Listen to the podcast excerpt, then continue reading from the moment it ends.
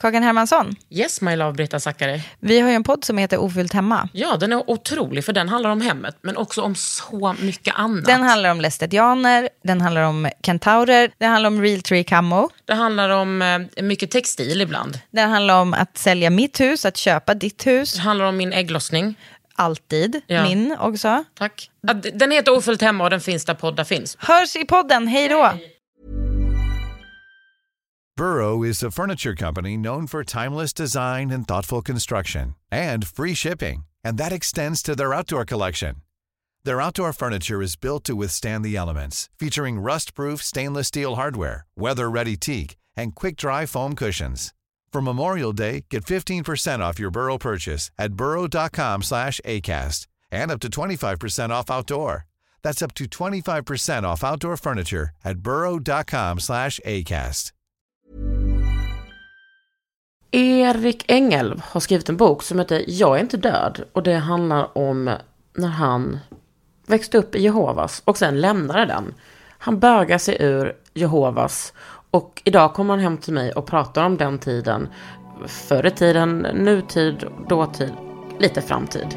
Inte svagt avsnitt alls om jag får säga det själv. Välkommen till Underhuden.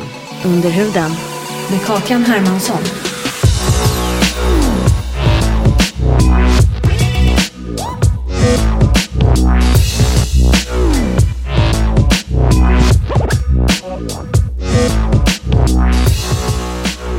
Erik Engelv. Hej, Välkommen hit. tack snälla. Berätta mer om ditt brev som du skrev till mig på din blogg.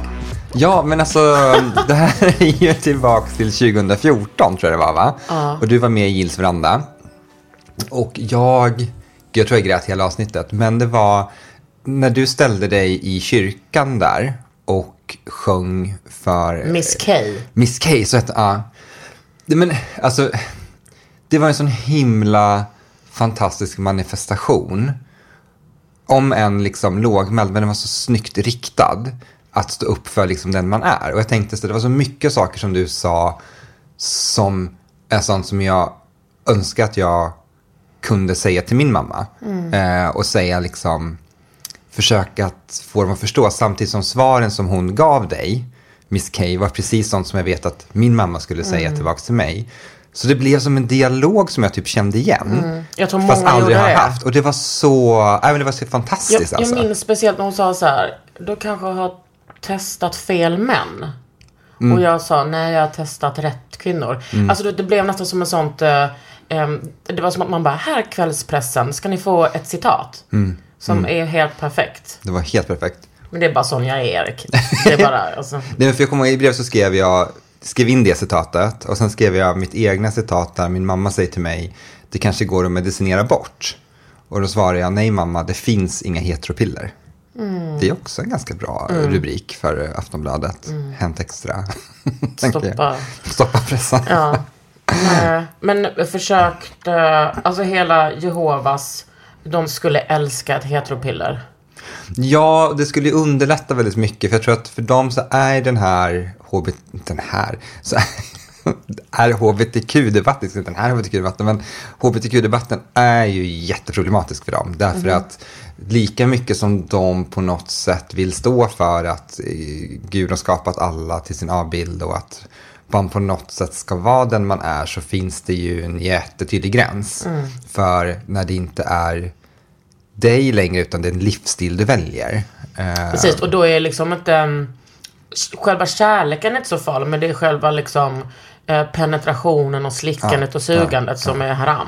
och de, de är, det är så himla sjukt att de går så snabbt också in i de detaljerna. Precis, man bara wow, vänta jag har inte Ja. sagt något utan it's your, alltså det, det, det är Ja! naughty brain. Till och med deras nya bibel Äldste så... Johan, man Ja. bara jag vet vad du har drömt om på nätterna. Ja, men till och med deras nya bibel så står det då förklaringen till att de använder homosexuella i sin nya översättning. De har ju, de har ju en egen översättning som de anser är mycket mer korrekt. Och då använder de då, det står att eh, inte de homosexuella ska få ärva Guds kungarika.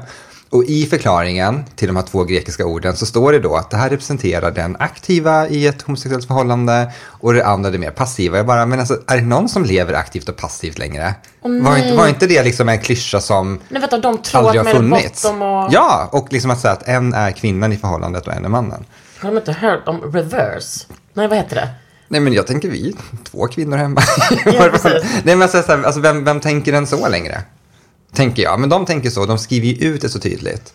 Och då sitter de här Men alltså, gubbarna jag liksom vet. i New York och liksom Tror du inte att de suger av varann? Jo, massor. Ja. Det är ju supersnuskigt på gång Har det, där. varit någon, eh, har det varit någon sån riktigt bra bögskandal inom Jehovas? Alltså nu räknas inte du. Nej, fan vad tråkigt. Jag tänkte jag ville dra mitt strå till stacken. Nej, men men det måste ju vara så som i alla andra samfund. Ja, men alltså det fanns, det finns ju, eh, alltså det här är ju rykten bara, jag har ju ingen bekräftade källor. Såklart. Men ehm, jag vet att det, i liksom alla länder, eller många länder, finns ett huvudkontor då för Jehovas vittnen. Nu, det fanns ju i Sverige förut, nu finns det i Danmark. Och på några av de här huvudkontoren så är det ju som så att, alltså, Eh, är du ogift och är det till exempel som man så kanske du delar rum med en annan då, så man är två stycken. Eh, och det är klart att det förekom lite smått och gott eh, under täcket där säkert. Eh, men det är också sånt där som är, man får ju tänka att de här personerna som då begår den här synden får så extremt dåligt samvete. Också Ja, för att de befinner sig i. Guds hus. Och så går de och bekänner och sen kanske de får någon typ av, inte straff, men då säger att de kanske inte får jobba kvar på det här huvudkontoret eller så får de liksom restriktioner eller någonting. Det är super, eh, superknäppt, Men men, men, det är absolut så måste, måste det också finnas massa psykopater där som bara inte känner någonting och eh, liksom gör lite vad som helst. Ja, men tänk, alltså, Gud, vad vet jag? Nej, men jag vet, alltså, nu känner jag så här, ska man säga, alltså, det finns ju så extremt mycket vackra män överallt i världen. Men jag tänker de här frireligiösa vackra männen är ju, det är någonting attraktivt i det här Jag oåtkomliga. vet, Latter Days. Och det vill de Den ju. har du sett va? Ja, ja, ja, ja, ja, ja, ja. Men, ja, men sånt där googlade man ju. Ja. Innan Google fanns. Efter Alta Vista. Alta Vista man. Gud vad jag gjorde det. Ja, jag Ja, jag, jag skrev alltid in typ en, en kändisnamn och sen ordet shirtless. Oh, Vet, när, när man kunde bi- börja bild, eh, bildsöka. Jag, Mm. jag googlade faktiskt häromdagen. Tom Hardy naked. Det, nej, nej, nej, det är ingenting att oa över Erik. Det var eh, en liten fågelunge, det var hemskt. Ja, men, fast vi pratade ju om det här. att det, är ju, det, är ju pussel, det finns en Ja. pusselbit för oss alla. Mm, han har nog flera pusselbitar kan jag tänka mig. Jag vet ingenting, men jag kan tänka att det står pusselbitar på rad. Min favoritbild jag hade var, eh, han heter Matthew McConaughey. Åh, Eh, I en liten, det här är så pinsamt, i en liten spetsskjorta och läderbriefs. I sån här lite så här harlekinljus som jag då laddade ner och hade som bakgrund på min dator på ett privat inlogg så inte mina föräldrar skulle kunna se det. hur gammal var du då? Nej, men kanske 18, 19 någonstans. Ja, ja, ja. Men Jag är du- väldigt sen i allting, det är det. Alltså, Fast det är väl inte sent? Alltså när jag var 18-19 hade jag inga tydliga riktlinjer i min sexualitet. Nej, okej, ja. Och det är inte för att mina föräldrar är katoliker. Nej. Det är för att jag bara var förvirrad. Ja, mm, mm. Men okej, när du var 18-19, då bodde du hemma. Precis, jag skulle precis flytta hemifrån. Var bodde du då? Eh, då bodde vi i eh, Eskilstuna. Mm. Eh, Är det ett stort Jehovas fäste? nej, alltså de, de finns lite överallt. Men Eskilstuna blev lite speciellt för att eh, Jehovas vittnen hade på den tiden en stor eh, lokal i Strängnäs. Eh, och då var det liksom 30 minuter att åka dit, så det var nära när det var liksom sammankomster där. Och sen var det ungefär en timme till det svenska huvudkontoret. Så det var någon typ av... Men Bra ni bodde mellanläge, ändå liksom. där för att det, var det fanns en närhet till. Ja, men det fanns liksom en, en aktiv och bra församling och det fanns liksom mycket att göra eh, och det var liksom en bra känsla. Och det viktiga, nu var jag liksom ja, men så här 18-19, men det viktiga för mina föräldrar var ju hela tiden att vi skulle ha en trygghet i vår liksom, religiösa uppfostran och gemenskapen. Så det var därför vi växte upp i Norrland. Eh, så flyttade vi dit när vi var fem. Eh, och, och då liksom var det en församling som var liten. Vi predikade mycket, vi var en del av gemenskapen. Och det var också... När du säger vi Mm. predika, menar du att du som barn stod och predikade då? Ja, alltså man, man är ju med, en, alltså, så- man är ju med när man ligger i barnvagn liksom. Och sen kanske när man är tre, fyra, fem så kanske man står bredvid och räcker fram en liten traktat. Vad är det? Eh, men så en liten så här folder med så Åh, par, så Jehovas kitschig. hatar inte foldrar. Jehovas står typ för 50% av vad papperstillverkningen i världen. ja, men jag har ju fortfarande problem med alltså, um, vissa jobb jag haft när man säger, ja men ge, ge iväg en informationsfolder till folk. Så här. Jag bara, nej, nej, nej. nej Det sitter, det sitter för långt, det är för nära. jag bara, vem vill läsa liksom? Så här. Ja. Som en sån kitschy paradisbild. Men du vet när man står där som fyraåring lite kavat så är det jättegulligt. Och sen kanske när jag var sju, åtta så fick jag börja liksom ha mina egna framställningar. Alltså när jag kom, knackade på så fick jag prata och så kanske pappa och mamma stod bredvid. Eh, men då var jag så här, hej, jag heter Jävla Erik, ansvar. ska berätta om Bibeln. Eh, och sen ju äldre man blev desto mer duktig blev man kanske på att prata och förklara och läsa ur Bibeln och ta diskussioner och sånt Du där. var väldigt duktig har jag hört. Har du hört det? Ryktet har spridit sig Ja, alltså. Du har sagt det själv. Du har sett den filmen? Aj då. Precis. Nej men du har varit, eh, du har varit otrolig. Ja, men jag tyckte det var kul också. Sen tror jag att någonting som jag har faktiskt tänkt på det här rätt mycket senaste veckorna av någon anledning, men lite av grejen när man kom och knackade på var att man liksom var ganska mycket ett tomt blad. Som, jag, hade, jag hade såklart ett, ett tydligt syfte med varför jag knackade på. Men min taktik var att personen jag knackar på hos ska öppna sig och berätta om sig och sitt liv. Och då behöver man liksom vara lite grann ett tomt blad eller liksom bara lyssna och ta in. Otroligt att du tyckte att du var ett tomt blad. Så 11-årig Jehovas kille. Liksom det är allt annat än tomt. Eller inget, inget barn är ju tomt. Nej, men jag, men jag, jag, jag tyckte ju innerligt om människor. Ja. Eh, Det var då. Ehm, Nej, men, det är det jag du fortfarande. är, känns ju ändå som att du gör samma sak nu fast du har bytt ut Bibeln mot glasögon. Ja, det kan man ju säga. Mm. Eller så har jag bytt sida i kampen Precis. för eller mot Bibeln. Nej, jag är inte emot Bibeln på något sätt, ska jag inte säga. Men, nej, men precis, men det var liksom, jag tyckte det var kul att prata med människor. Man fick höra mycket. Eh, de öppnade sig, berättade. Sen Mm. så var det såklart jättemånga som bara stängde dörren. Och liksom, det, är- ju inte varje dörr man får prata. Eh, men ju äldre jag blev, desto mer upp, upplevde jag att jag fick verkligen fina samtal med människor. Mm. Eh, och hade jag inte varit ett Jehovas vittne så hade man säkert så här, kommit in och druckit ett glas vin och blivit asbra kompis med jättemycket folk. Men det fanns ju Fast liksom... då en- hade du kanske, varför skulle du knackat på en dörr då? Nej men det är ju det, då hade man inget syfte längre. Nej. Typ så. så att, ja. ja, det är en märklig tid. Under huden.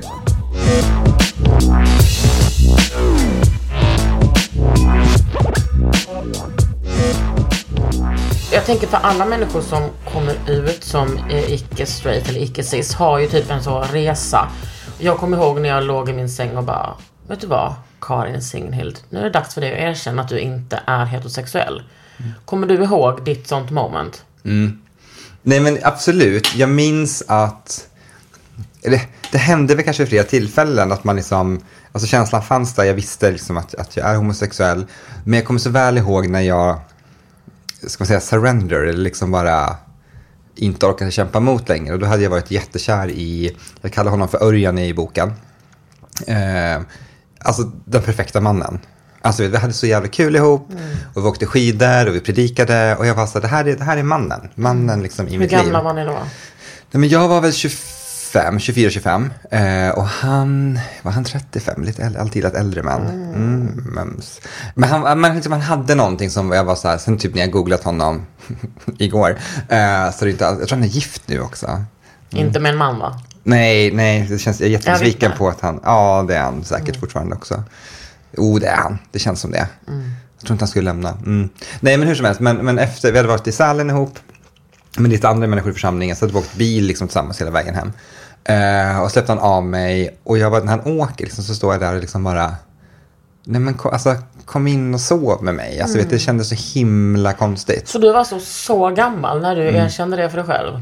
Och då kom jag ihåg att jag eh, la mig på min säng och bad till Gud och sa då första gången högt att liksom Gud, jag är homosexuell, förlåt, men liksom vad ska jag göra? Vad hade du för relation till Gud då?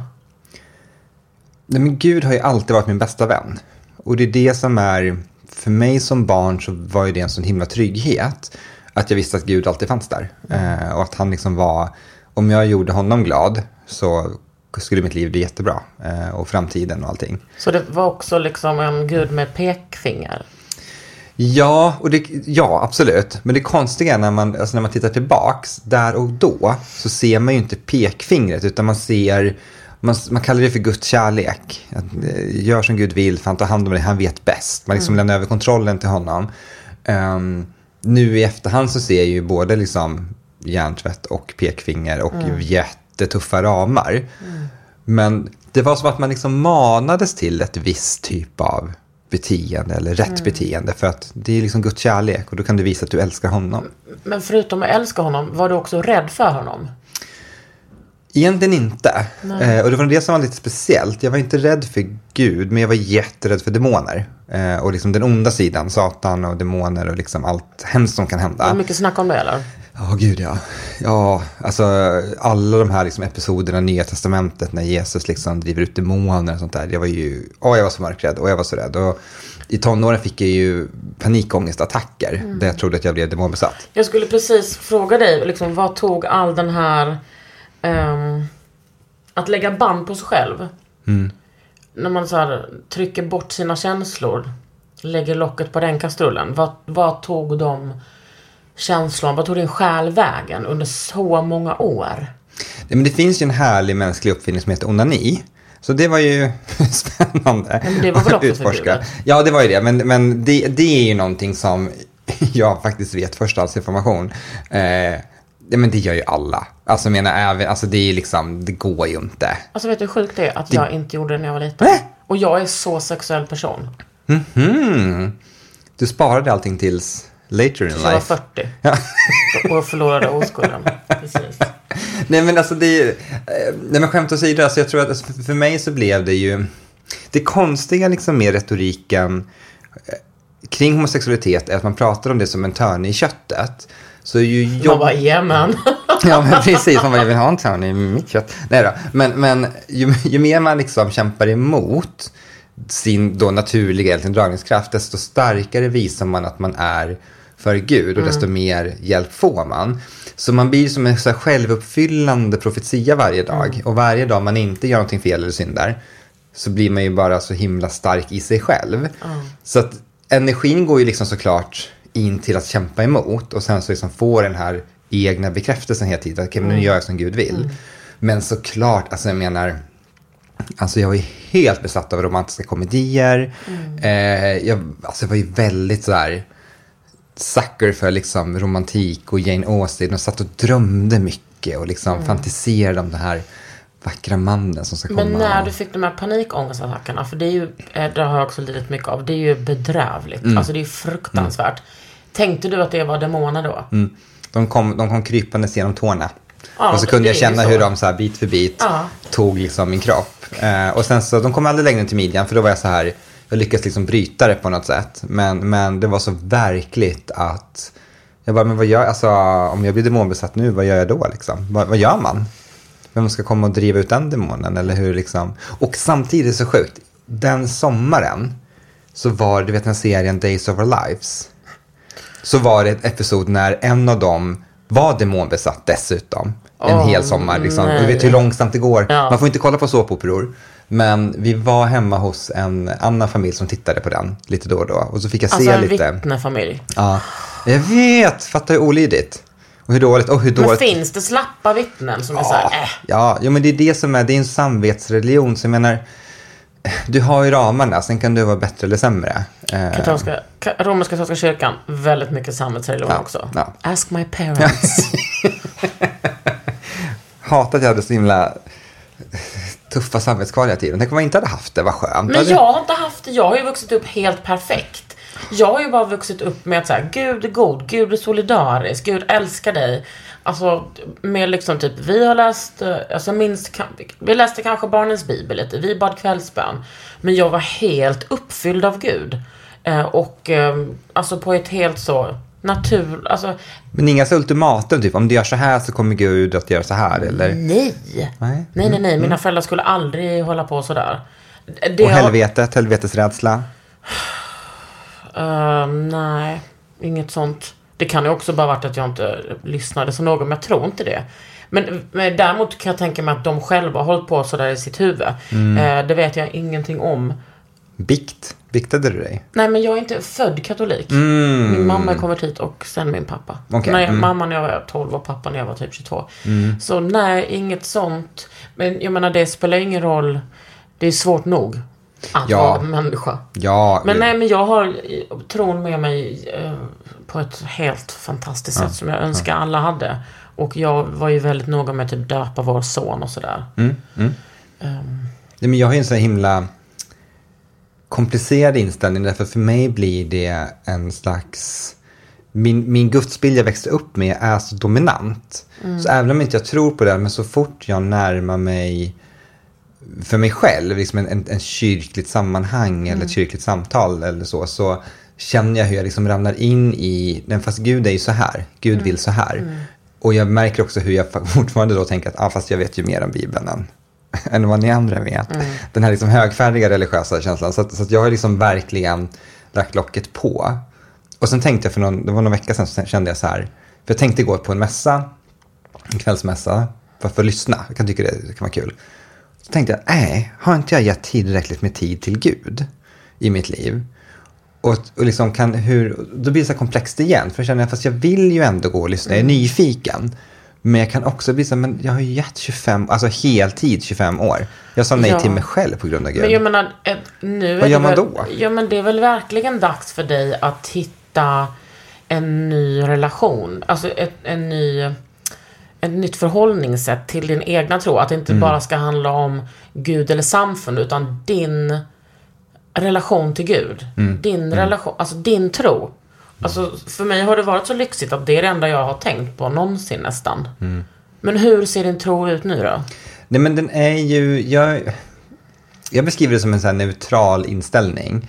Att jag, jag är intresserad av religion, eh, älskar religiösa samtal, eh, läser rätt mycket om liksom, olika religioner och vad som händer.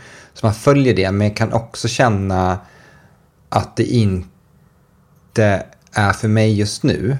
Ehm, och jag kan också känna att, att jag har fått uppleva så mycket Sen kan man alltid se att det finns en gud bakom om man vill. Men jag tänker jag har fått uppleva så extremt mycket spännande människor och situationer och, och kärlek sen jag lämnade församlingen. Och då blir jag så här, men är, är det liksom att tro på människan? Är det en tro? Att tro på eh, den kraften vi har i varandra och tillsammans och i sig själv? Ja, är, det är det det en typ av tro? Men då gör man sig själv till Gud och det är ju att, det är att härda. Har jag fått lära mig när jag Det växte upp. är det. Ja. Men, ja, men det är väl också att Gud ger dig redskapen att eh, formulera sånt. Ja, men det är ju precis den tanken som, som blir kvar. Mm. Eh, att det kan ju vara så. Men, men, nej, men, nej, men jag, jag har ingen aktiv gudstro, det har jag inte. Men du Eh, har, du har ingen oaktiv gudstro heller. Alltså jag menar, den ligger väl ändå där och... och puttrar puttrar.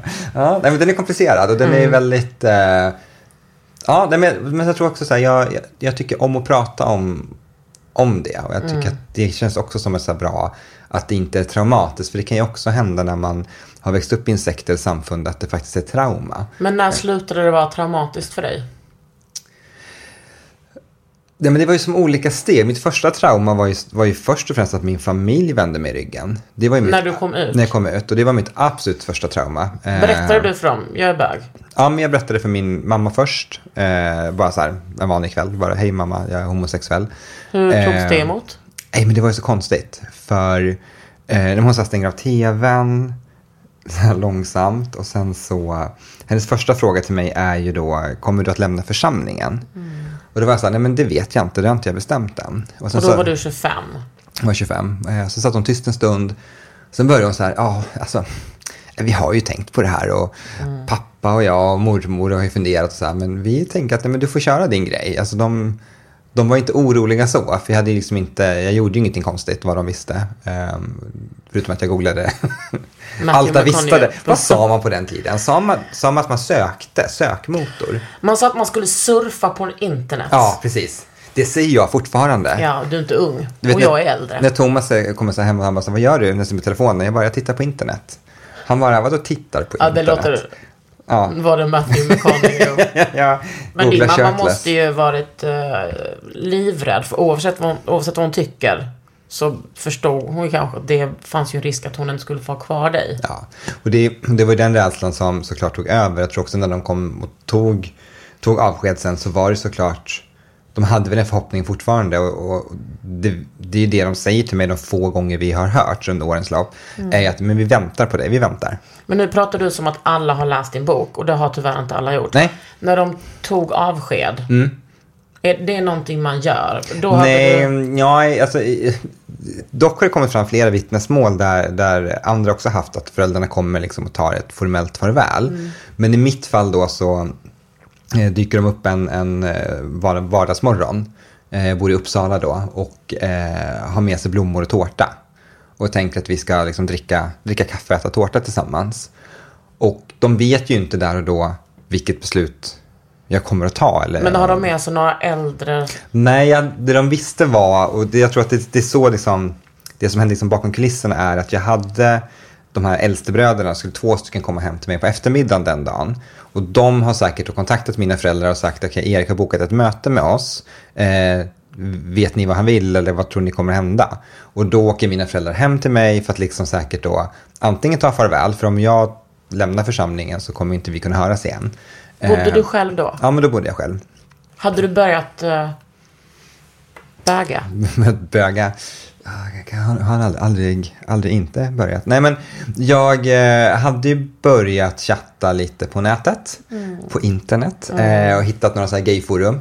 Och sen hade jag ju bokat dejt med en, eh, nej jag hade faktiskt varit på väg till Gud, det här skrev jag faktiskt inte om, det, det kan jag komma på nu. Jag var på väg till en första dejt eh, som vart avbokad på vägen liksom, när jag satt på tåget till Stockholm. Och då kommer jag ihåg att jag tänkte, ja, ah, det är säkert Gud som liksom varnar mig nu så att jag ska inte gå på den här dejten. Ehm, sen så, så här, x antal år senare förstod jag att det var en snubbe som bara ville ligga. Eh, och så var det ju inte, det var ju liksom inte, han var inte ute efter någonting annat än så. Eh, men sen i samband då med att jag hade lämnat församlingen, bara någon dag senare så eh, har jag dejt med en annan kille, aktiv jag på den tiden, eh, och hade världens mysigaste sommarkväll. Eh, och vi höll handen, han pussade mig på kinden, det var så romantiskt. Och då var jag så här, okej, nej men det är, it's, it's a gay I am. Ehm, och då kändes det väldigt naturligt och rätt. Eh, och också det jag hade längtat efter. Ja, gud, det är så himla länge. uppfyllande. Ja, Det är så det är ju det. härligt. Och jag kommer ihåg att det var så här... Ja, men det var nog det som slog mig, att det var så himla naturligt. Det kändes inte konstigt, jag var inte nervös. Och sen hade jag ju liksom redan tagit beslutet att jag skulle lämna församlingen. Så jag kände mig också, konstigt nog kände jag mig så ren inför Gud. Att, att jag tog ett beslut och sa hej då till Gud liksom på, på bra villkor. Var det din... d- det var bilden av dig som homosexuell, att inte kunna ha en relation med Gud? Ja, absolut. Därför att det, det är ju, det är ju ett, liksom i deras ögon ett aktivt beslut jag tar. Det är en livsstil jag väljer. Det här är ingenting, det är ingenting man föds som eller är. Eller de kan sträcka sig till att ja, man vet ju inte. Men, men det de vill säga är ju egentligen att men, det är ett val jag gör. Att, att ligga med en man eller liksom ha relation med en med en av samma kön. Du tänkte inte att ehm, jag kan både ha kakan och äta den? I ett annat samfund eller i en annan tid. Liksom att det finns möjlighet för dig att eh, liksom leva ut dina homosexuella sidor och fortfarande vara en god troende. Som det finns ju eh, ändå rätt många sådana människor världen över. Det otäcka är ju faktiskt att jag hade säkert kunnat vara kvar som ett Jehovas vittne om det hade varit okej. Okay men då hade jag inte sett alla andra sektmekanismer som liksom finns där. Eh, för för mig var det liksom den här frågan om att få älska vem jag vill som var den bärande frågan. Jag, jag, jag, alltså det, fanns, det finns ju personer, det fanns personer redan då i media eller som man visste om som såklart hade en, en kyrklig tillhörighet och var homosexuella. Men återigen så kommer min gudsbild in där och stör. Den är så bestämd. Den säger exakt liksom vad som är rätt och fel. Och det har varit svårt att komma förbi den. Det är jättekonstigt. Jag först- Nej, men det är inte konstigt. Men den är så inrotad liksom. Under huden.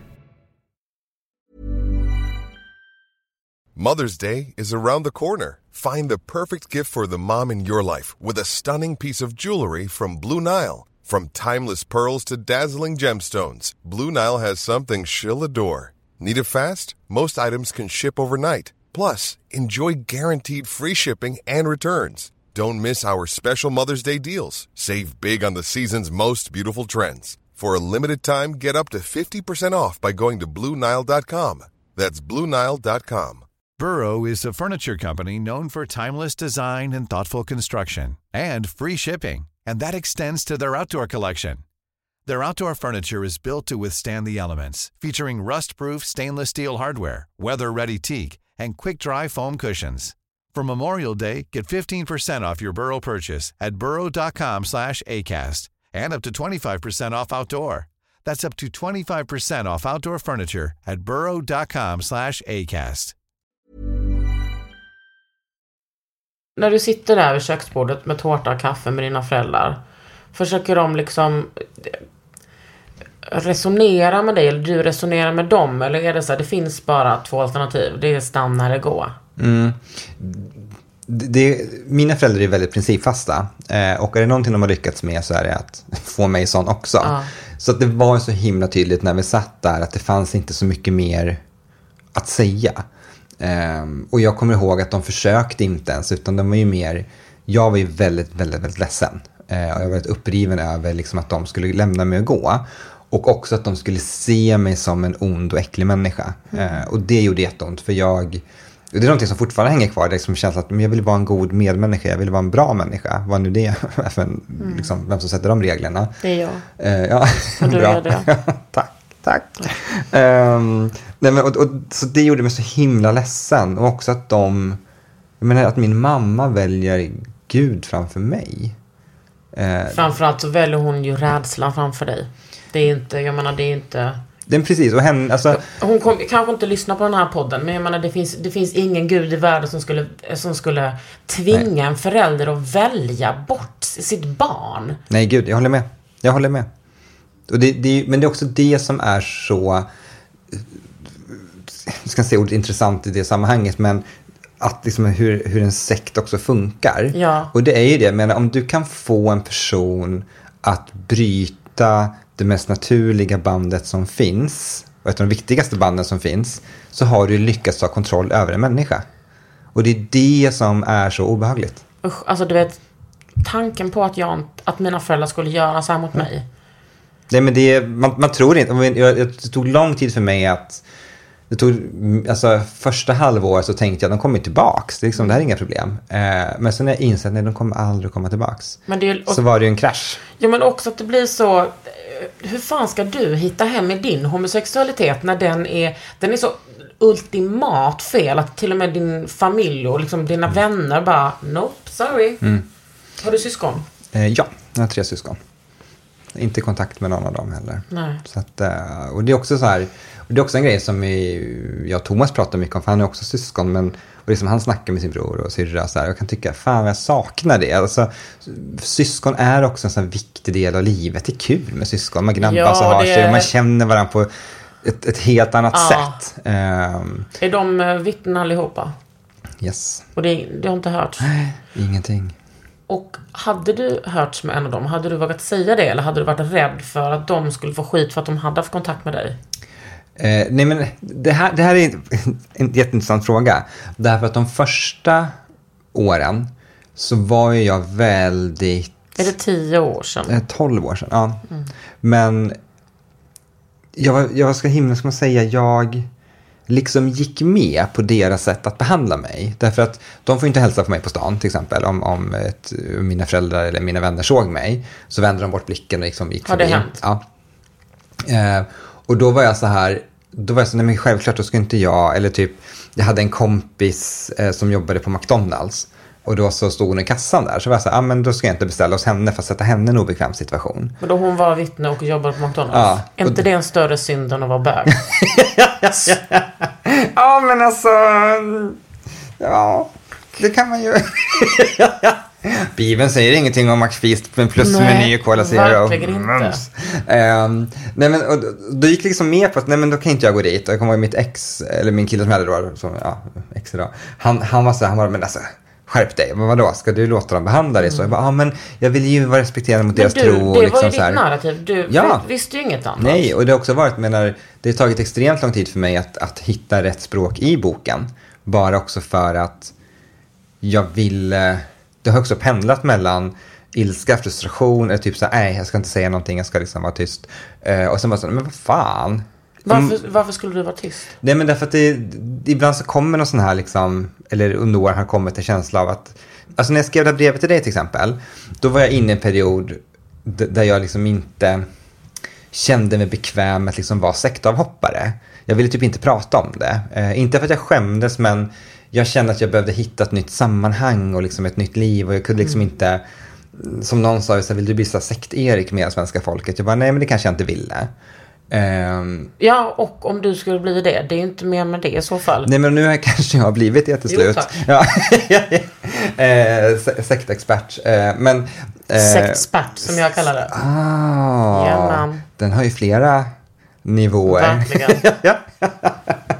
Gud vad roligt. Ehm, nej, men det, det har varit liksom att, att hitta hur jag vill berätta och också berätta hur, att inte döma mig för hur det var då, därför att jag visste inte bättre. Och det var det som blev så intressant när vi hittade den här vinkeln också, att, att men, jag skriver som ett brev till min mamma. Därför att det handlar ju också om allting som de missar. Allt roligt jag gör, men också allting som, som har varit jobbigt för mig eh, under de här åren. Och liksom allt det som jag, när, när man i vanliga fall, mamma vet du vad, det är skit nu. Liksom, vad gör vi? Det Eller bara finns- kolla vilka snygga glasögon jag Ja, köpt. ja men det är det. Liksom bara, vi, vi går och tar ett glas vin liksom. Och det, det var faktiskt ett tillfälle efter att min mormor hade gått bort. Så Var hon vittne? eh, hon var vittne också. Eh, och då träffades jag och mamma i Stockholm. Eh, hon kommer in till mitt jobb. Mhm. Och jag kommer ihåg att mina kollegor var ju helt så här, för vi är så lika varandra också. Så det var så här, var Erik din mamma är här? Okej. Alltså, du visste inte om det? Nej men vi hade, vi hade, hon hade sagt att de kanske skulle komma liksom förbi, men jag var så här. Man blir ju också, jag Hur vet. hörde hon av sig? Ja, men hon eh, mejlade eller messade mig tror jag. Mm. Men det var för att hon ville lämna, hon hade gjort liksom, ställt ur liksom mormors lägenhet och ville lämna liksom några små saker då som Ja, men då tänkte vill att jag hon skulle ändå- få. Ja men så, och då kommer jag ihåg att vi gick och åt sushi och drack ett glas vin. Och då tänkte jag så här, ja men det här, det är precis, och det är precis så här som jag liksom vill att det ska vara. Men så fort jag då nämnde liksom min pojkvän eller någonting så var det så här superstiff. Liksom. Det gick inte att prata om det.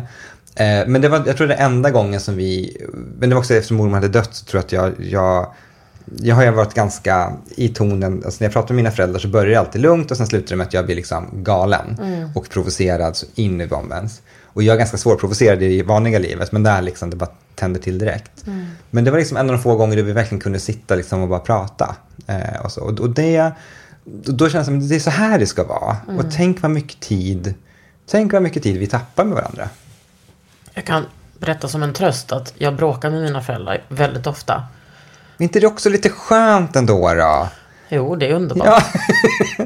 Jag skulle inte byta ut det. Nej, för att jag tänker det är också, det är det som är livet, vare sig det är liksom bråk eller kram eller vad det är. Alltså det, det är så det är, men man ska inte behöva ta farväl på det sättet. Det är helt... Alltså vet du vad, det är helt stört. Ja, det är Det är så stört. jävla respektlöst mot Ja. dig. Jag är, så, jag är så trött på människor som bara väljer... Alltså, också, så- vet du vad, det här är inte Guds tro. Det här är din jävla... Så jävla, ni är så jävla rädda. Mm. Och säg inte att Gud är sån här. Det är också så jävla störigt. Ja, men det är taskigt mot Gud och, menar, och det är taskigt Ja. mot de som har en uppriktig tro där som faktiskt är inkluderande. Jag menar, och jag, man kan inte ska säga inkluderande heller, för en tro jag tror, att, jag tror att en sann tro, om man får sträcka mig så långt, så, se, så ser man människors individuella, liksom, alla är lika mycket värda. Vi kan liksom inte hålla på och klassa in varandra i de här olika facken som vi har gjort, vi människor. Eh, och det tänker jag, det är ju det som den sanna tron liksom ska vara. Det är så, Mm. om det finns en gud, det är så liksom han ser på oss. Jag tycker att det är... Jag tänker väldigt ofta på när folk, går, alltså när folk dör och lämnar jordelivet och kommer upp och möter Gud. Och Gud är så här, men vad fan har du hållit på med? Alltså skämtar du? Så, har du liksom fördömt ditt barnbarn för att han liksom är bög? Vad fan? Alltså, det är liksom inte stenåldern. Gud, jag och min kompis Lina pratade om det här i julas. Det här med döden, liksom, ja, olika parametrar. Så sa vi, fast tänk om det liksom bara, det kommer bara till nästa nivå, så börjar du om igen. Och jag bara så här, Då blir och du med i Livets Ord istället. ja, men så står man där och bara så här, nej men jag orkar Ja, nej, jag inte. vet. alltså jag orkar inte en gång till. Jag orkar inte ens tänka på det. Jag orkar inte ens tänka och vi hade på... så kul när vi tänkte på det. Ja, nej men då gör vi om förskolan och Ja. lågstadiet och gymnasiet. Man och hamnar typ liksom, i Grästorp Ja. eller liksom i och så man kanske, en riktig vidrihåla i Skåne. typ Eslöv. Jaha, nej, då ska jag gå eh, spela handboll i liksom eh, den här hallen igen i nio år. Nej. Under huden. Men du, det måste ju fortfarande vara så för dig att du håller på att pussla ihop och hitta din identitet. Ja, men det, gör man inte det lite genom hela livet, tänker jag? Ja, Att men man liksom- men- extra mycket. Alltså jag gör också det. Ja, men alltså det, det, det här är så konstigt, hur ska jag uttrycka det här på ett bra sätt? Men en sak som jag är fascinerad över kring, eh, älskar att jag får det att låta så. Precis, jag bara, tyvärr var det inte du, det var semlan. Ja, nej men eh, vad skulle jag säga att, jo, eh, någonting som har slagit mig väldigt mycket liksom, när jag tänker tillbaka på min uppväxt och, och liksom hur, vilket jävla självförtroende man har när man som 11-åring vet att man har den enda sanningen. Och jag vet att jag kan mer än alla andra, jag är bättre än alla andra. Och så lever jag med det tills jag är 25. Eh, och har liksom byggt upp någon typ av självkänsla som är kanske inte hälsosam, men den finns där. Man, man, jag vet vem jag är. Att vara ett Jehovas vittne i skolan, du vet när folk... eh, Nu hade jag en väldigt bra, liksom, bra klasskompisar och, och så, jag hade inte så mycket problem. Men det är klart att folk skrek efter en, Jehovas jävel och alla visste vem man var. Och det var ju liksom rätt vad jag knackade på en dörr och så en klasskompis där, det var jättepinsamt. Ehm, så att- Tyckte du det? Ja, jag tyckte det var jättejobbigt. Det, det tyckte jag var jobbigt. Eh, Typ en klasskompis förälder. Eh, och men jag växte upp i en by med 3000 invånare så jag visste ju vem som bodde i Hur varje många var hus. vittnen då? Vi var 40 vittnen ungefär. Men ni kämpar på.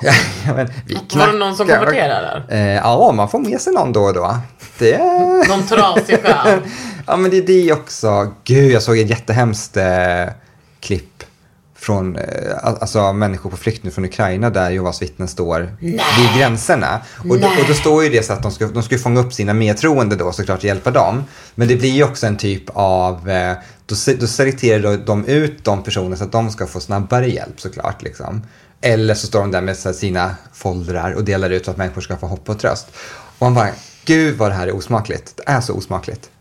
Eh, på den nivån. Nej men det jag ska säga är att att, att jag hade så lång tid att processa min identitet som homosexuell. Eh, Så när jag var 25 och kom ut så var jag så här, men jag är homosexuell, jag visste det. Och Vilket jag, också är helt sjukt att så här, det kravet ställs på hbtq-personer att man ska veta. Ja, men det är Skit det. ni alla och det här liksom andra. så här, ibland, men alltså jag har ju också tänkt ibland så här, åh jag vill vara så här lite genderfluid. Det bara, nej men det gick inte. Eh, och så bara så här, men jag ska vara lite mer queer. Och så bara, nej. Det enda jag vet är att jag, alltså, åh, att bli dragqueen. Alltså jag vet exakt, exakt vilka skor jag ska ha. Jag har till och med köpt Vad dem. väntar du på? Nej men jag, jag vet inte, jag väntar på en, en scen att ställa mig på och göra mitt, Nej, mitt nej, nej, dragnummer till Lisa Ekdals och Gud. Alltså, believe me or not, det kommer att vara episkt. Men Har det, du något smink hemma? Nej, alltså det här, alltså jag måste lära mig sminka till, mig. vi ska gå till skåpet ska du få lite smink på mig sen. Ja, för alltså jag, jag, jag har försökt att sminka mig en gång, men då ser jag ut som min mamma bara och det kändes bara så här, ah! eh, Men, men, eh, Det skulle vara offense. otroligt om du draggade din mamma. Ja, men det skulle jag Som, kunna. som en Jehovas Jag tant. tänkte dragga min mormor. Min mormor var ju, eh, eh, hon var ju ensamstående mamma i Aten då. Och eh, försörjde sig som jazzsångerska Haram, på barer. haram, haram, hade haram. sådana stora såna här, du vet, Inte plastörhängen. det här, var det innan hon blev Innan hon blev vittne? Mm. Och det var och så fantastiska klänningar. Hon var så här jätte, jättevacker så. Och jag var så här, jag vill göra min mormor. Mm. Som drag. Det är jättekul. Ja. Så att det är min stora, min Det stora, eh, stora dröm. Så. Men, men jag tänkte för mig så var det väldigt, det som, det som var så sjukt var också att jag också visste väldigt snabbt vad jag ville och inte ville till exempel sexuellt. Alltså så här, jag kommer ihåg att jag, jag var, min första dejt, liksom, eller första gången jag låg med någon som var så här, ah, men det var, det- här var inte så mycket att hänga i granen tyckte Mm. jag. Men jag var inte, det var, så, det var jag som ändå så här, ville ta initiativet själv, så jag kände så här, men jag kände mig fine. Mm. Och så nästa snubbe jag träffade var så här katastrof. Jag var så här, nej men du vet, vi kommer inte ligga. Mm. Så jag kommer ihåg att jag kände mig ganska så här, stöddig och stark och liksom, Mm. öven så. Eh, men absolut, identitets krisen för mig har ju handlat om varför älskar inte mina föräldrar mig? Eller varför älskar de Gud mer än mig? Och den har ju sänkt mig många gånger. Och sen får man ju då tänka på, okej men det är inte, jag brukar tänka så här, men det är ju liksom Gud, och inte Gud då, men deras Gud har kidnappat mammas hjärta. Det är liksom, han har ju henne som ransom. Så jag kan inte döma mig för det, men det är det som har varit min stora, varför, varför kan de inte bara älska mig? Varför kan de inte bara vara här? Och hur liksom, tar man sig igenom deras rädsla? Det går ju inte. Nej, och det, det, här är, alltså, det här är hela deras liv och det här är, nu ursäktar inte jag dem, men, men, men de, de har ju uppfostrat oss på det sätt som de tror kommer ge oss den absolut största nyttan i livet och sen då ett evigt liv. Och eh, sorry to say but they are wrong. Mm. Eh, och den är ju inte heller så härlig att veta att man har haft fel hela livet. Nej. Nej men speciellt när man, jag menar dina föräldrar, alltså din familj måste ju tänka på dig varje dag, sakna dig varje dag och eh, då måste de ju övertyga sig själv hela tiden. Ja men precis, alltså, jag, är- precis. Du kunde sagt det bättre själv. Det är ju det, det är en konstant så här, de väljer sin tro, de väljer bort mig varje dag. Eh, jag måste ju finnas, men de finns ju, jag tänker på dem många gånger per dag så dyker de upp och liksom hur man skulle gjort och liksom vad de Har du koll på dem? Typ Jag googlar ibland, Ja. jag surfar på på internet och Alta tittar. Men är det som att du ser dem på Facebook eller? Nej, de, eh, man uppmuntras ju inte till att ha så mycket sociala medier. Eh, och har Det man det så är de eh, ofta stängda. Men jag, jag håller lite koll och googlar lite grann och tror jag vet ungefär vart de bor och sånt där. Men jag har ju inte sett någon bild, alltså jag vet ju inte hur de ser ut. Det är inte som att du vet om de får barn eller sådär. Nej, Tror du att de har koll på dig? det är better. Eh, ja, men det tror jag faktiskt. Alltså, det, vare sig de vill eller inte. Men jag tror också att för dem så är det, så vet ju jag att, att, eh, att jag talar så öppet och liksom när boken kom så är det ju ett superproblem för dem gentemot församlingen. Därför att eh, jag är ju en motståndare till liksom hela Jehovas vittnens församling. Och de tror, jag tror att de, ingen dömer dem, men jag tror att de känner sig väldigt utpekade. Eh, såklart. Men de har inte, de har inte vågat Tror höra de, av sig. tror de smygläser? Nej, jag tror att de är för rädda. Jag tror inte att de skulle våga. Men om de gör det så kommer de att få en härlig överraskning. Alltså det är ju det är liksom... Tänk sig under huden din mammas favoritpodd. Nej vänta, din pappas favoritpodd. Åh, jag skulle älska det. Podd känns så haram också. ja. Alltså det, det är djävulens Fast liksom. de har ju sina egna, de har sina egna så här, jv.org eh, nyhetssändningar och sina Har egna... de egna poddar? Ja men säkert. Men de gör ju de här tecknade filmerna för barn som handlar om att eh, homosexuella inte får komma till paradis. Alltså de är ju super liksom, duktiga på att producera sitt eget content. Eh, men de är ju... De är influencers. Men de har också världens sämsta marknadsavdelning. Under huden. Har du något som du skulle vilja säga liksom? Vad tror du att den är... När Anna var här, Anna Lindman. Då, då, då sa jag så här, men man får inte glömma typ, det här är inte som att det är inte som att det är barn som har levt i 100% djävulskap och eh, liksom levt under fruktansvärda förhållanden liksom från dagen de föddes till dagen de lämnade. Det finns ju också eh, jättemycket kärlek och värme. Ja, och det är det som blir en kontrast. Jag menar, om man pratar anknytning så var ju liksom anknytningsprocessen och, och hela den tryggheten var ju enorm. Alltså det fanns ju där, men sen måste man ändå erkänna att det finns, det finns ju alltid ett mörkt hot om, om man gör fel, om man går för långt åt något håll så, så, så ser Gud det, eller då, då kan du riskera ditt eviga liv. Eh, uteslutningshotet ligger liksom där alltid i luften, även om det inte är någonting man pratar om så. Ehm, så, så att det är ju liksom, tills, alltså det är, ja det var, det var, det var tryggt och, och lyckligt och varmt och liksom, Under din barndom, var du, var du med om någon som bögade ur sig församlingen liksom tidigare? Alltså du hade sett det här? ja men alltså både ja och nej. Eh, det, det är så sjukt, det är en, en ehm, Det kanske inte är termen som just Jehovas vittne använder. böga ur. Böga ur sig för, från församlingen. Ja, man bögar ur sig. Jo. Nej, men eh, i litteraturen fanns det sådana här härliga berättelser om, de hette alltid typ så här José eller Ricardo och eh, som då bögade ur och sen kom tillbaka och ångrade sig och Gud förlät dem. Eh, Och de hade blivit omvända också. Ja, men förstår du hur många år det tog innan jag insåg att men vänta, de här personerna har säkert aldrig ens funnits. Det är ju upphitt, alltså, Ja. ja, men alltså, förstår du hur liksom man blir så tvättad i Och att att så här, alla var latinos. Ja, och att, ja, mm, Nej, men, nej, men då sitter det någon sån eh, äldstebroder och... who doesn't love a latino lover? Precis. Ja, nej, men, ehm, men, men jag kommer så väl ihåg att, att när jag kanske var, kan jag ha varit 15-16. Eh, det här var innan vi flyttade från Strömsund då tillbaks till eh, Eskilstuna. Så, i, i, så var det liksom ett ungdomsgäng i Strömsund som hängde jättemycket i Sundsvall. Och i Sundsvall fanns det en kille som hette Fredrik. Eh, Och Fredrik var, de tyckte vi var så lika varandra i sättet. Alltså jag hade aldrig träffat honom, ever. Eh, och så. Men sen så, något år senare fick jag höra att han hade då lämnat församlingen för att han Du var... menar att han hade bögat ut sig? Han hade bögat ur sig eh, och liksom så. Vad kan det vara? Säg mitt tredje år, när jag, efter jag hade bögat ur. Så mötte jag upp honom. Mm. Och vi har ju en supertrevlig liksom höst ihop. Eh, lite smådejtande så.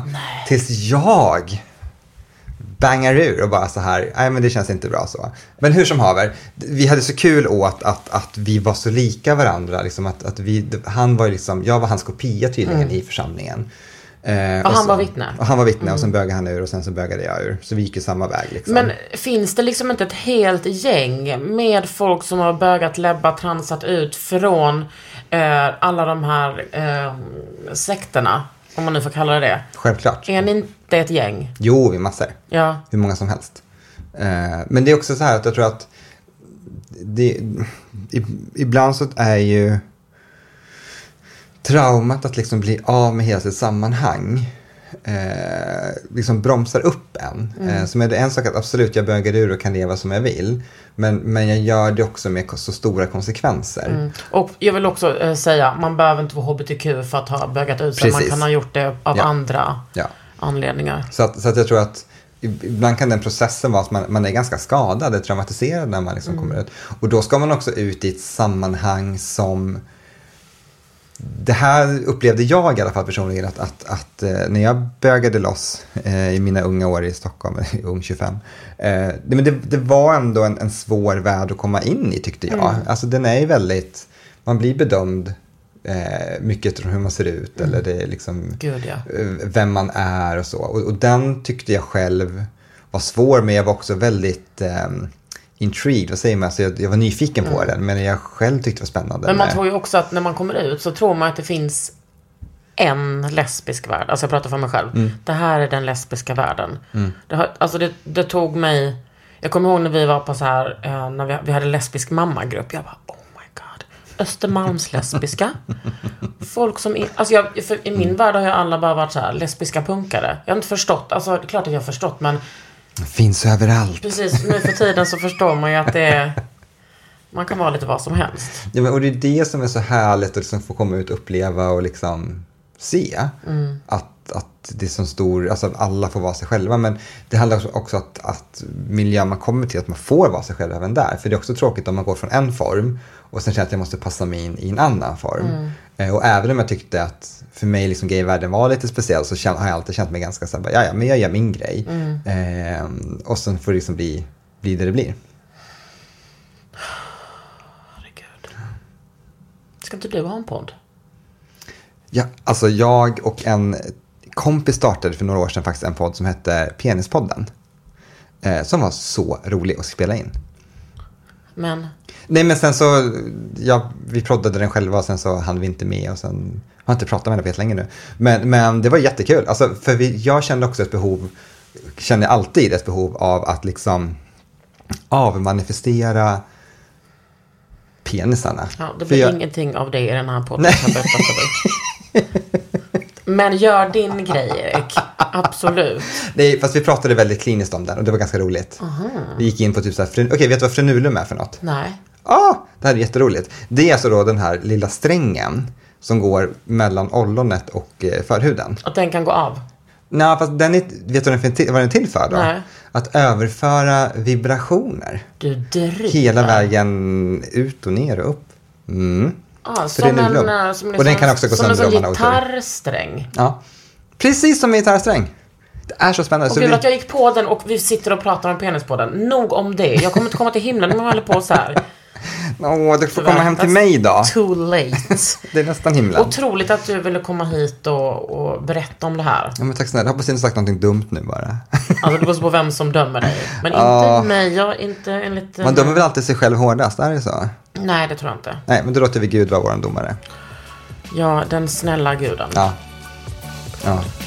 Eller Tripadvisor, får se. Eh, vi får se. Tack för att du kom hit, Erik. Tack du snälla. på eh, Under huden med Kakan Hermansson och Erik Engel.